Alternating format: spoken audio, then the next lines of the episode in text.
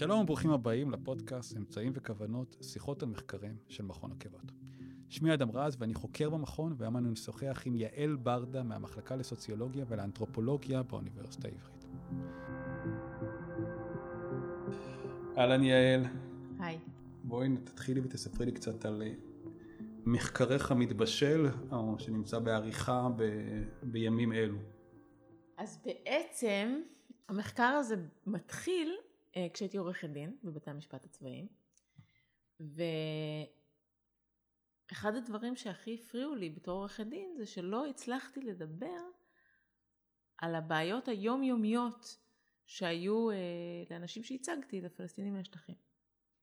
כי אתה יכול לדבר על, אה, למשל, זה שיש ראיות חסויות או אין ראיות חסויות, כאילו במשפט הביטחוני, אז, אה, אז זה דבר שהוא מקובל.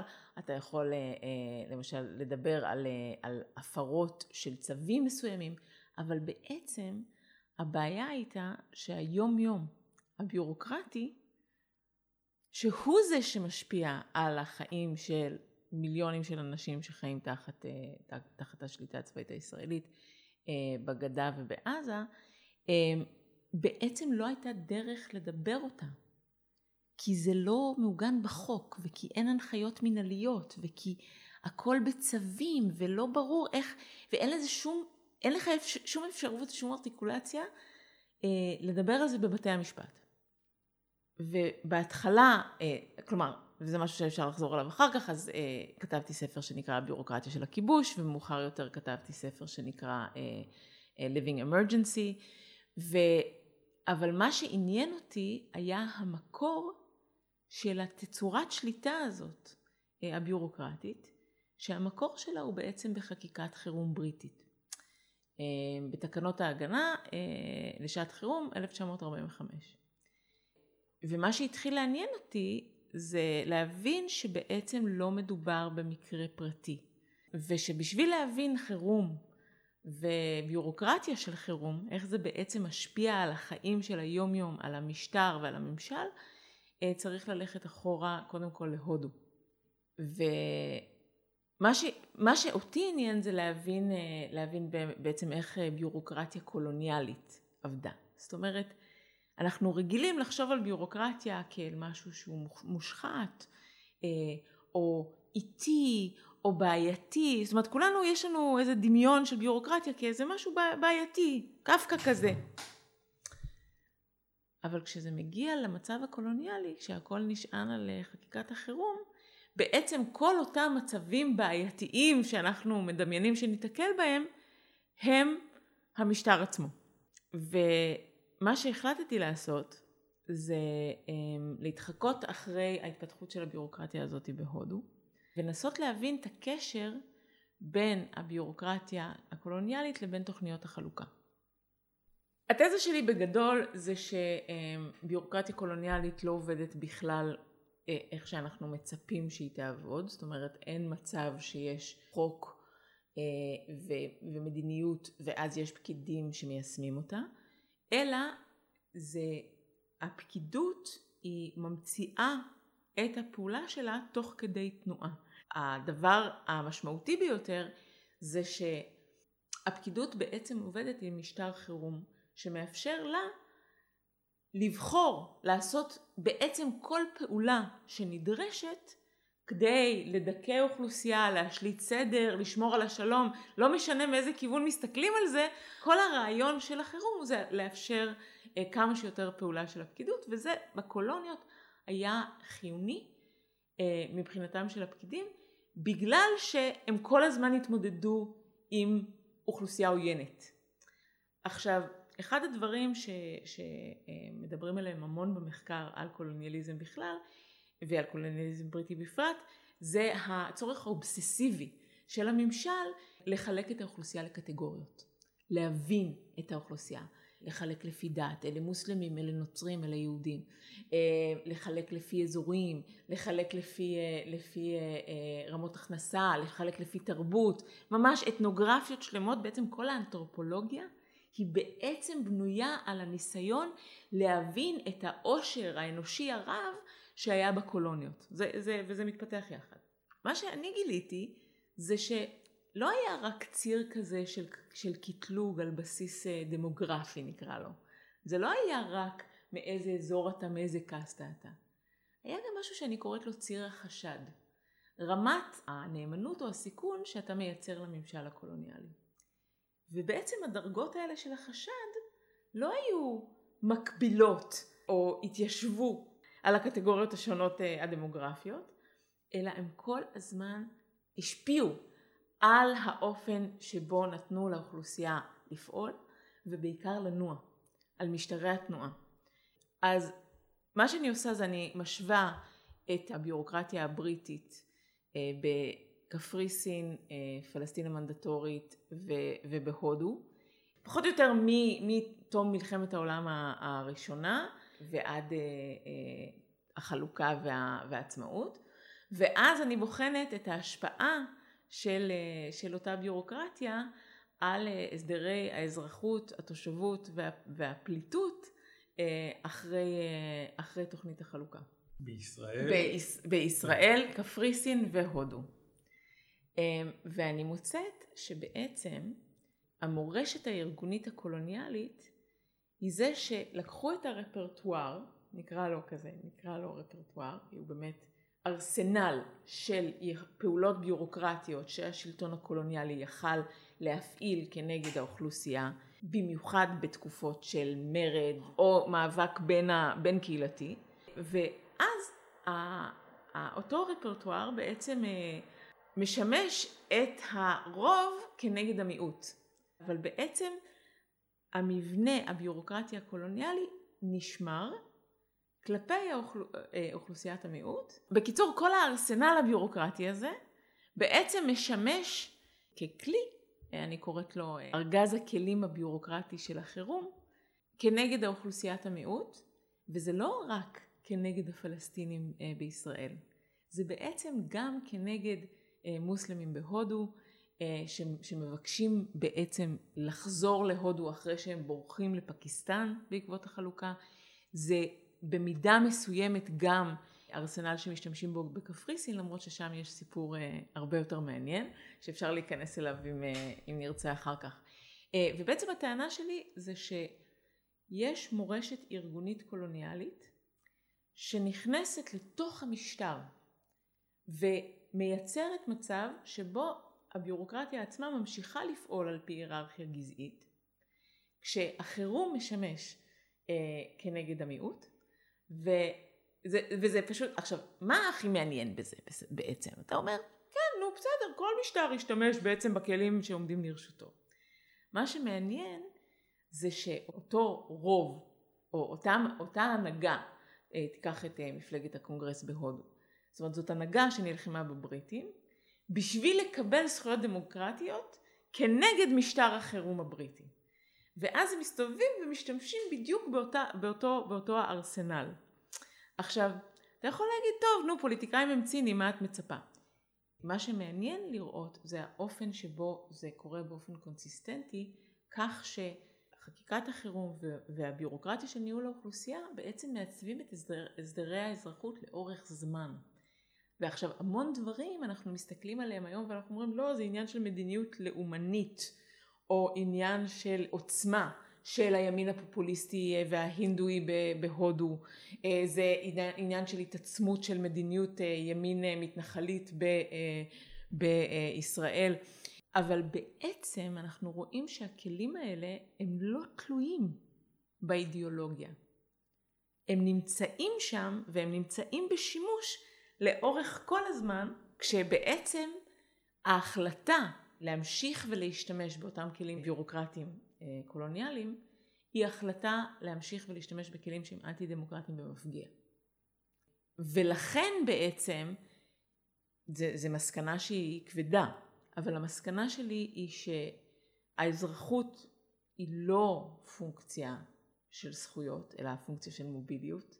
מי שקובע את האזרחות, קובע, אה, זה המנגנונים הביורוקרטיים שקובעים אותה, ולא הזכויות שנמצאות בחקיקה ולא בתיאוריה פוליטית, גם לא בתפיסות פוליטיות.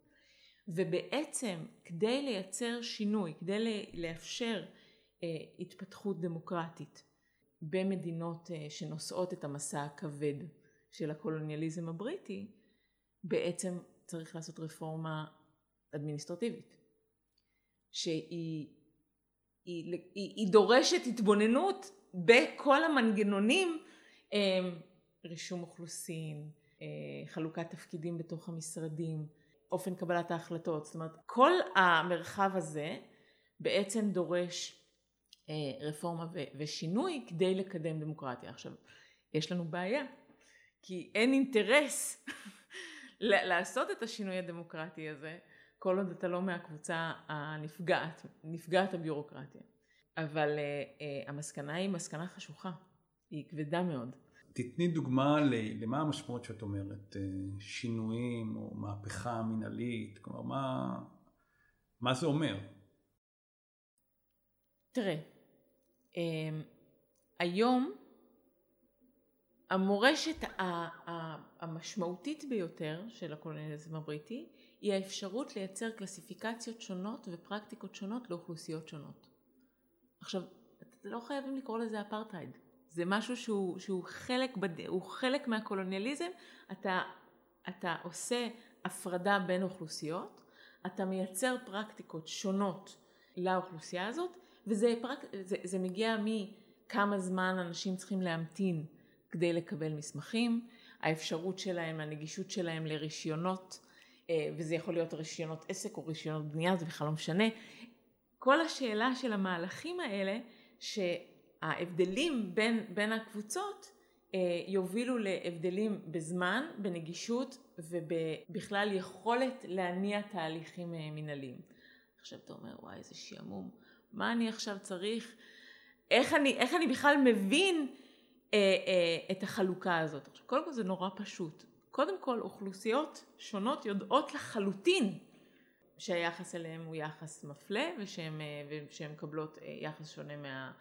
מה, אה, מהמשטרים, אבל אין להם שום אפשרות לעשות לזה אתגור. ואנחנו חוזרים בעצם למה שפתחתי איתו, כי אין לזה, אין לזה מקום בחוק. אתה לא יכול ללכת עם זה לבית משפט. אתה לא יכול. מה תגיד? מה תגיד? אין, כאילו, זה לוקח יותר מדי זמן לתת לי רישיון, אז כן, אתה יכול ללכת ואתה יכול לבקש, ואז יגידו, טוב, זה לא זמן סביר, אבל תמיד יש סיבה טובה. תמיד יש סיבה טובה לעצור. עכשיו, אנחנו חושבים על מערכות ביורוקרטיות כאמצעים. אנחנו לא מבינים שאידיאולוגיה נכנסת לתוך פעולה ביורוקרטית והיא מתווה אותה. והיא מייצרת את, ה, את הקריטריונים שדרכם פקידים חושבים, את הקריטריונים שדרכם ממנים פקידים, את האופן הזה שבו אתה, שזה נהיה לך מקובל, שזה נראה לך לגמרי נורמלי, שיש לך היררכיה של גזע. אלה מקבלים ככה, אלה מקבלים ככה, טוב, בסדר, הגיוני. וזה, וזה באמת עניין שנהיה שקוף לגמרי לפקידים. עכשיו, כשמדובר בחופש תנועה, זה משהו שאפשר ממש לראות אותו ביום יום. הכי פשוט זה לראות את זה בתקופת הקורונה, השאלה של הסגר, אמ, איפה כן אוכפים, איפה לא אוכפים, האופן הזה שעושים דיפרנציאציה בין מי אתה לאיזה חופש תנועה יש לך. אלה המקומות שהם אותה שארית, אה, שאנחנו לא רואים אותם רק במקומות שהם פוסט קולוניאליים, כן? אנחנו נראה אותם בכל רחבי העולם. הדרגה אה, והעומק ש... בו הדברים האלה מקובלים, שבו מניעת תנועה נחשבת דבר נורמלי לעשות, אה, וה, והפער הזה בפגיעה בין האוכלוסיות, אה, זה משהו שהוא מורשת, אה, מורשת קולוניאלית בריטית, רואים אותה לחלוטין בהודו, זה משהו שממש בשנים האחרונות יש עכשיו רפורמות שנועדו לשלול אזרחות מאנשים, לדרוש מאנשים להוכיח מחדש את האזרחות שלהם, ולמנוע תנועה. זאת אומרת, אנשים צריכים לקבל אה, אישורים כדי, כדי להגיע ממקומות, אה, ממקום למקום בחלקים מסוימים בהודו, שטחים צבאיים סגורים, וזה בעצם אותו רפרטואר חירומי שאנחנו רואים אותו צף מחדש. עכשיו, זה לא שהוא נעלם, הוא היה חלק מהמערכת והוצף מחדש כשהוא יעיל למערכות. במקרה הישראלי, כאילו ההבדלים בחופש, של חופש התנועה הם, הם לגמרי ברורים. יש לך את תושבי עזה שנמצאים תחת מצור, יש לך את תושבי הגדה המערבית שצריך, שנמצאים תחת מערכת היתרים אה, אה, אה, מאוד קשה, יש לך את תושבי מזרח ירושלים שלכאורה יכולים לנוע, אבל התנועה שלהם במרחב היא מפוקחת מאוד, ויש לך פלסטינים אזרחי ישראל שהתנועה שלהם יותר פשוטה, אבל גם כן, הפיקוח הוא, הוא באמצעים אחרים, משטרה ומניעת תנועה אה, באופן אחר. ואז גם אנחנו, אנחנו יכולים להמשיך ו, ולהבין גם בתוך הציבור היהודי מי יכול לנוע איך ולאן. ואני חושבת ש, שמה שמעניין זה בלחשוב על אזרחות כחופש תנועה, אזרחות כתוצאה של, של, של משטר ביורוקרטי. זה שאנחנו יוצאים מתוך איזה איזו תפיסה מאוד מאוד רומנטית של מהי אזרחות, ושברגע שיש לך דבר כזה אז זה נותן לך דברים מסוימים, ואיזושהי תפיסה אמורפית של זכויות, כאילו אנשים, יש, יש לנו דבר כזה זכויות והם שלנו.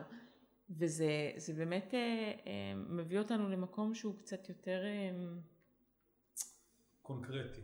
Grounded נקרא לזה, עם רגליים על הקרקע, רואים ניחוחה, מביטים למשטר בעיניים ומבינים לחלוטין שיש תלות מאוד מאוד גדולה של היכולות שלנו ושל הזכויות שלנו, א', בזהות שלנו וב', במערכות הביורוקרטיות השונות.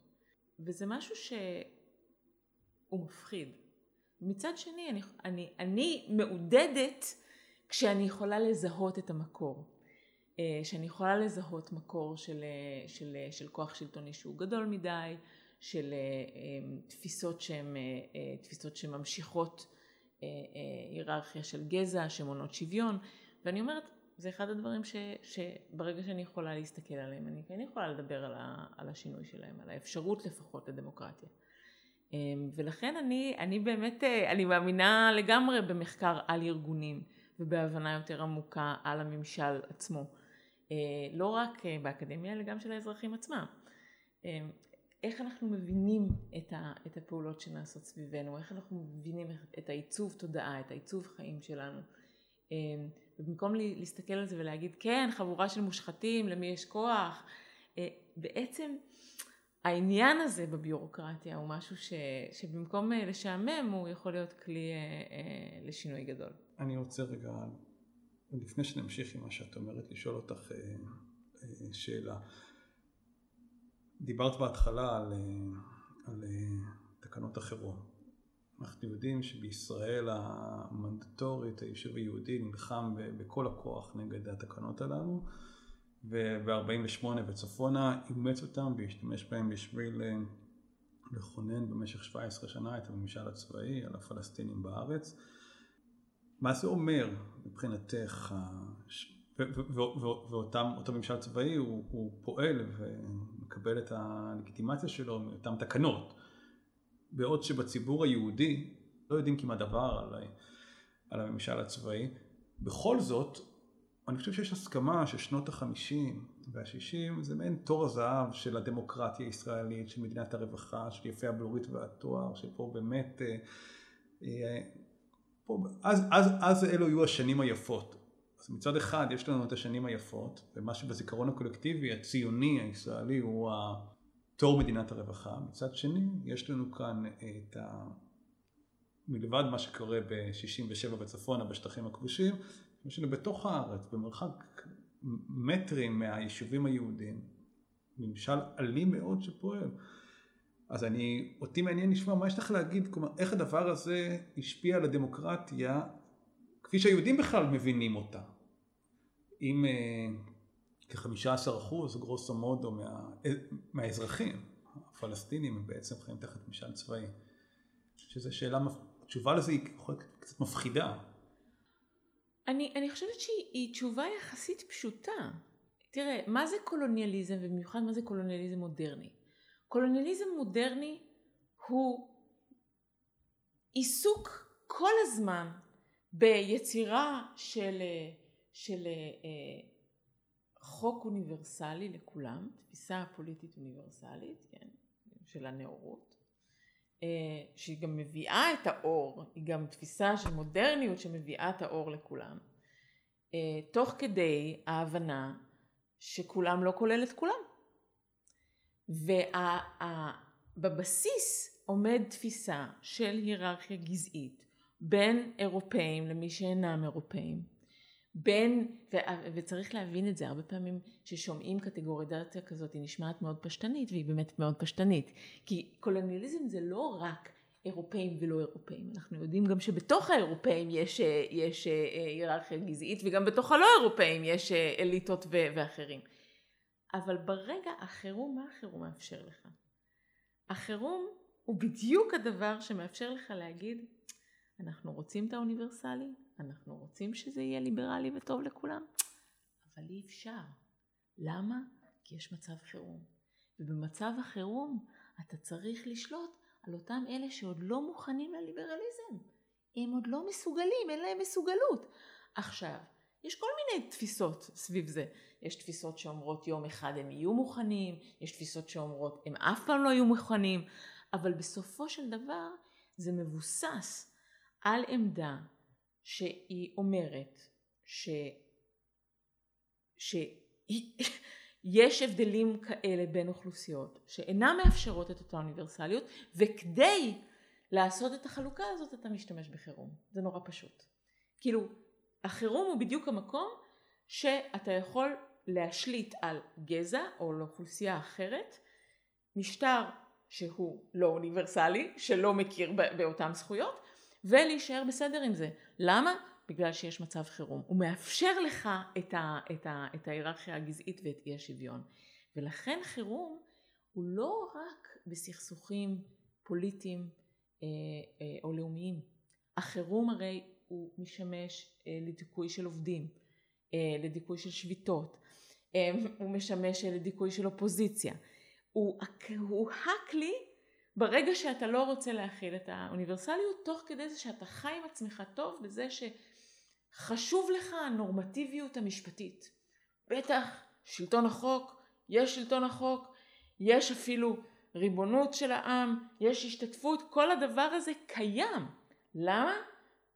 כי, כי אנחנו עושים את זה כמה שאנחנו יכולים, אבל כמו שהשופט אהרן ברק אוהב, אה, אה, אה, כתב, דמוקרטיה היא, אה, היא, היא פועלת עם יד אחת קשורה מאחורי הגב. אז מה? אז המצב חירום הזה, הממשל הצבאי שהתאפשר, היה המשך ישיר של הקולוניאליזם הבריטי, והוא התאפשר בגלל תפיסה של יש, יש אנשים שהם ראויים יותר ויש אנשים שהם ראויים פחות. ו- ואת, ה- ואת ההבדל הגזעי הזה אתה מביא לידי ביטוי באמצעות החירום. והוא מועתק לאחר מכן, הוא נמשך לאחר מכן מ-67 וצפונה.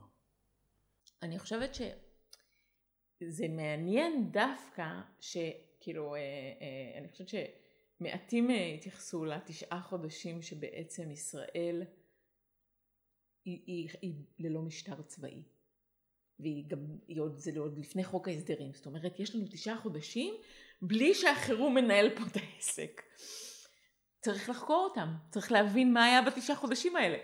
אה, אבל, אבל... צריך להגיד שאתם עוד תשעה חודשים לטובת ה... כן, התשעה חודשים שבין סיומו של הממשל הצבאי ב-1966 לבין אה, כיבוש, אה, כיבוש אה, אה, השטחים אה, אה, ב-67, מה שכן צריך אה, איזשהו סיוג. אנחנו יודעים שהכיבוש השטחים והשימוש בתקנת, בתקנות החירום לכיבוש, אנחנו תמיד חושבים שזה היה בהפתעה, כבר ב-63 יש את תוכנית שח"ם שאותה מייצר מאיר שמגר אה, לימים, אה, לימים נשיא בית המשפט העליון, הוא היה אז הפצ"ר, הפרקליט הצבאי הראשי, והוא יחד עם אה, דוב שפי ועוד כמה אנשים אה, מאוד חשובים אה, במערכת המשפט הישראלית, בעצם מייצרים תוכנית אדמיניסטרטיבית לשליטה על השטחים באמצעות תקנות ההגנה שעת חירום. ואז אנחנו יודעים שכבר, שעוד לפני שהדבר הזה מתרחש, יש את ההבנה שהולכים להשתמש בתקנות החירום אה, אה, כדי לעשות את זה, וזה עוד פעם הולך להיות משטר חירום. אני רוצה להגיד על זה משהו, כי דווקא ראיינתי את מאיר שמגר על הדבר הזה, והשאלה שלי, והיא הייתה מאוד תמימה אז, אני לא הצלחתי להבין, היא קשורה למה ששאלת אותי לפני רגע, איך יכול להיות שאותם אנשי מפלגת הקונגרס בהודו, ש, שהבריטים, שהבריטים אה, אה, השתמשו בתקנות ההגנה נגדם, ואותה הנהגה ישראלית שהבריטים משתמש, משתמשים בתקנות ההגנה בצורה קשה ואכזרית, איך הם מסתובבים חזרה ומשתמ... ועושים שימוש באותן התקנות שהם יצאו נגדם, שהן דרקוניות ונאציות ולא אנושיות. ושאלתי את זה את מאיר שמגר, והוא שתק שתיקה ארוכה, רבע שעה, ממש. ואמרתי לו, איך יכול להיות שאתה, שהוגלית באמצעות תקנות ההגנה בשביל הפעילות שלך באצ"ל, איך אתה משתמש בזה ועוד בתור תוכנית מגירה, בתוכנית שח"ם, אתה כאילו משתמש באותן תקנות ההגנה בדיוק כדי, uh, כדי לשלוט על, uh, על הפלסטינים, עוד לפני שצריך לעשות את זה. ואחרי השתיקה ארוכה אמר, תקשיבי, זה מה שידענו, אנחנו גדלנו בתוך, uh, בתוך uh, uh, הבית ספר למשפטים המנדטורי שהיה באוניברסיטה העברית. וזה מה שהכרנו, זה מה שידענו. עכשיו אני לא קונה את ההסבר. That's what was available, זה מה שהיה ולכן זה מה שיהיה, קצת דטרמיניסטי. אני חושבת שצריך להבין את הכוח של החירום, והכוח של החירום בדיוק במקום שיש לך אי שוויון בין אוכלוסיות. ואיך הסיפור הזה של מודרניות ותפיסה של נאורות בעצם מקדמת את החירום ככלי שאין בלתו בתוך דמוקרטיה. דווקא כדי לשלוט על אותם אלמנטים שהם כאילו לא מוכנים לא, לאותה נאורות. וזה הופך את, ה, הופך את השאלה להרבה יותר מורכבת, הרבה יותר מסובכת. היא לא רק שאלה של מלחמה.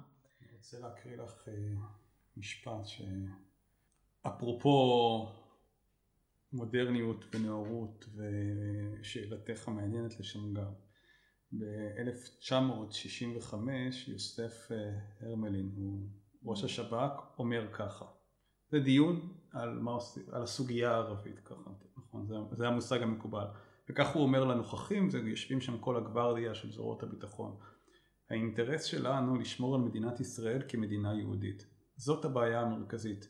כאשר אנו אומרים ביטחון, הכוונה לזאת, לאו דווקא למהפכה על ידי הערבים.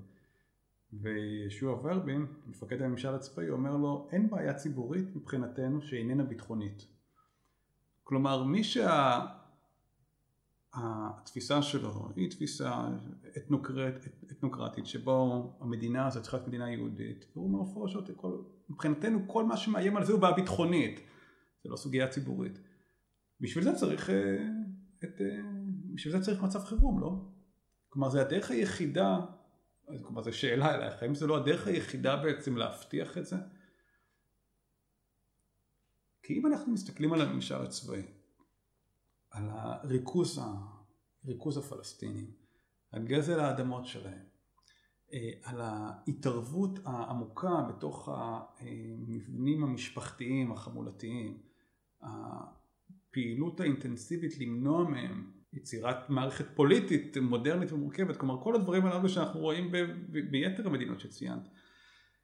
כל זה נועד בשביל להגשים את הרעיון הזה שראש השב"כ אומר לנו שמדינה יהודית. האם הדרך היחידה לעשות את זה זה לא רק באמצעות אה, חוקי החירום? כי אחרת יש לך אפרטהייד דה פקטו ודה יורה, אחרת אתה בדרום אפריקה, לא? תראה, זו שאלה שהיא מורכבת והיא מעניינת בגלל ש... בעצם כל קולוניאליזם מיישב, כל, כל מצב שבו יש לך אוכלוסייה שמגיעה מבחוץ ומנשלת אוכלוסייה אחרת כדי להתיישב בה, היא משתמשת באותו רפרטואר חירום. זאת אומרת, זה, זה חלק ממה שאתה עושה.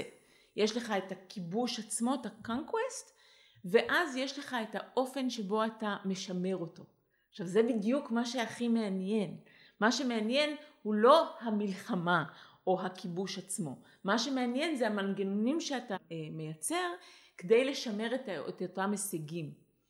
עכשיו, פה, וזה מקרה שהוא, שהוא אה, אה, מעניין, שהוא, כי הוא באמת גם קשור למאבק הפלסטיני עצמו, לחוסר האפשרות להעלים את הפלסטינים.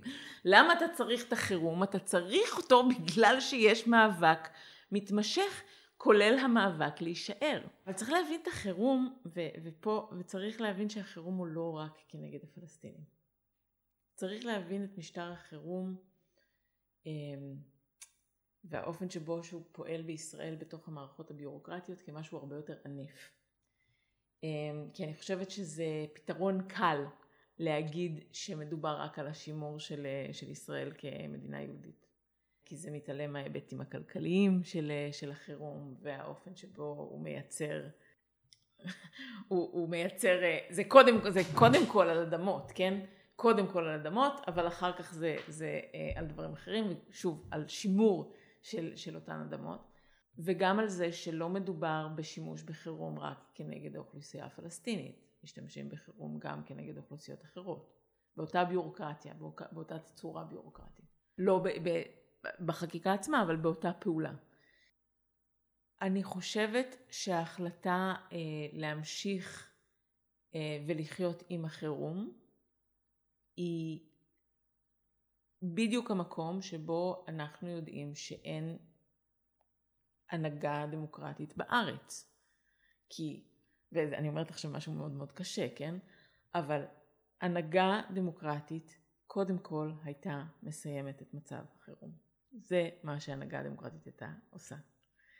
ואנחנו רואים שמאבקים בכל העולם הם סביב ההנחלה הזאת של, של מצב החירום.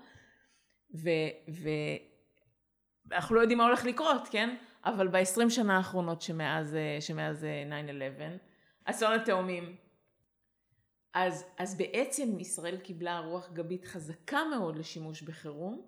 בכל העולם יש מצב חירום גלובלי, הכל ככה, הכל זה. עכשיו יש דיון מחודש, דווקא בגלל החירום האזרחי של הקורונה, ש, שבאמת דורש דיון מחדש של מהו. מהו מצב החירום, מה, מה הכוחה של הרשות המבצעת בחירום, בתור מה משתמשים בזה, מה ההצדקות לה, וזה מאפשר פתח. לא ו... בארץ הדיון מתקיים. הדיון מתקיים בכל רחבי העולם, בארץ הוא לא מתקיים כי לנו יש, פה מתקיים דיון ש, שהוא, שהוא מאוד מוזר, לנו יש מצב חירום ביטחוני תמידי ופתאום יש גם חירום אזרחי. מה בין הביטחוני לאזרחי, מה הדמיון ביניהם, איך דברים עוברים מאחד לשני. יש מרחב אני חושבת שאפשר לדבר עליו, אבל צריך הנהגה שתגיד, אני קודם כל מבינה שאין דבר כזה דמוקרטיה בחירום מתמיד. ואין דבר כזה ביורוקרטיה שחיה על חקיקת חירום שיכולה לתפקד עבור כל האזרחים בשביל אה, אה, אה, להגשים עקרונות של מדינה דמוקרטית אפילו הבסיסיים ביותר. אנחנו צריכים ש...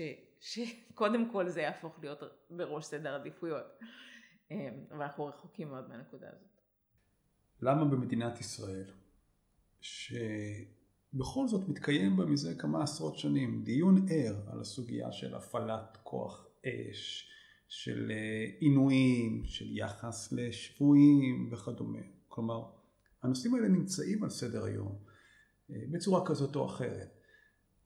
לצד סוגיות שכמעט בכלל לא דנים בהן. יש את הסוגיה שאותי במיוחד מעניינת, הסוגיה הגרעינית, שכמעט לא מדברים עליה, והסוגיה שאת עוסקת בה, שזה מצב החירום. אז למה לא עוסקים בזה? כלומר, כי זה, וגם, כי, וגם. כי, זה, כי זה שקוף, כי זה מורכב, כי זה מאיים על ההגמוניה של הרוב היהודי, כי...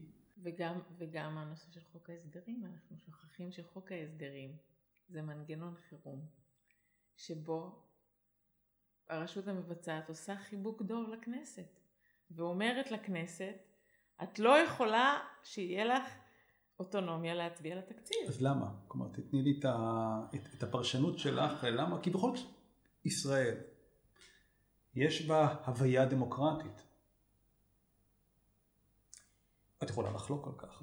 לא, לא, לא, לא, אני, וזו שאלה ש...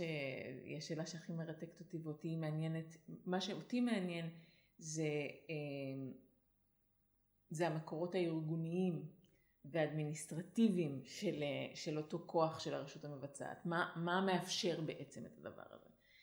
שני דברים, אחד פשוט, אה, כל הניתוב של הכוחות האלה למאבקים המשפטיים, כאילו כל הסוגיות הן, כאילו כל הסוגיות הפוליטיות הן סוגיות משפטיות, הוא פשוט לא נכון, הוא פשוט שם את הכוח במקום לא נכון.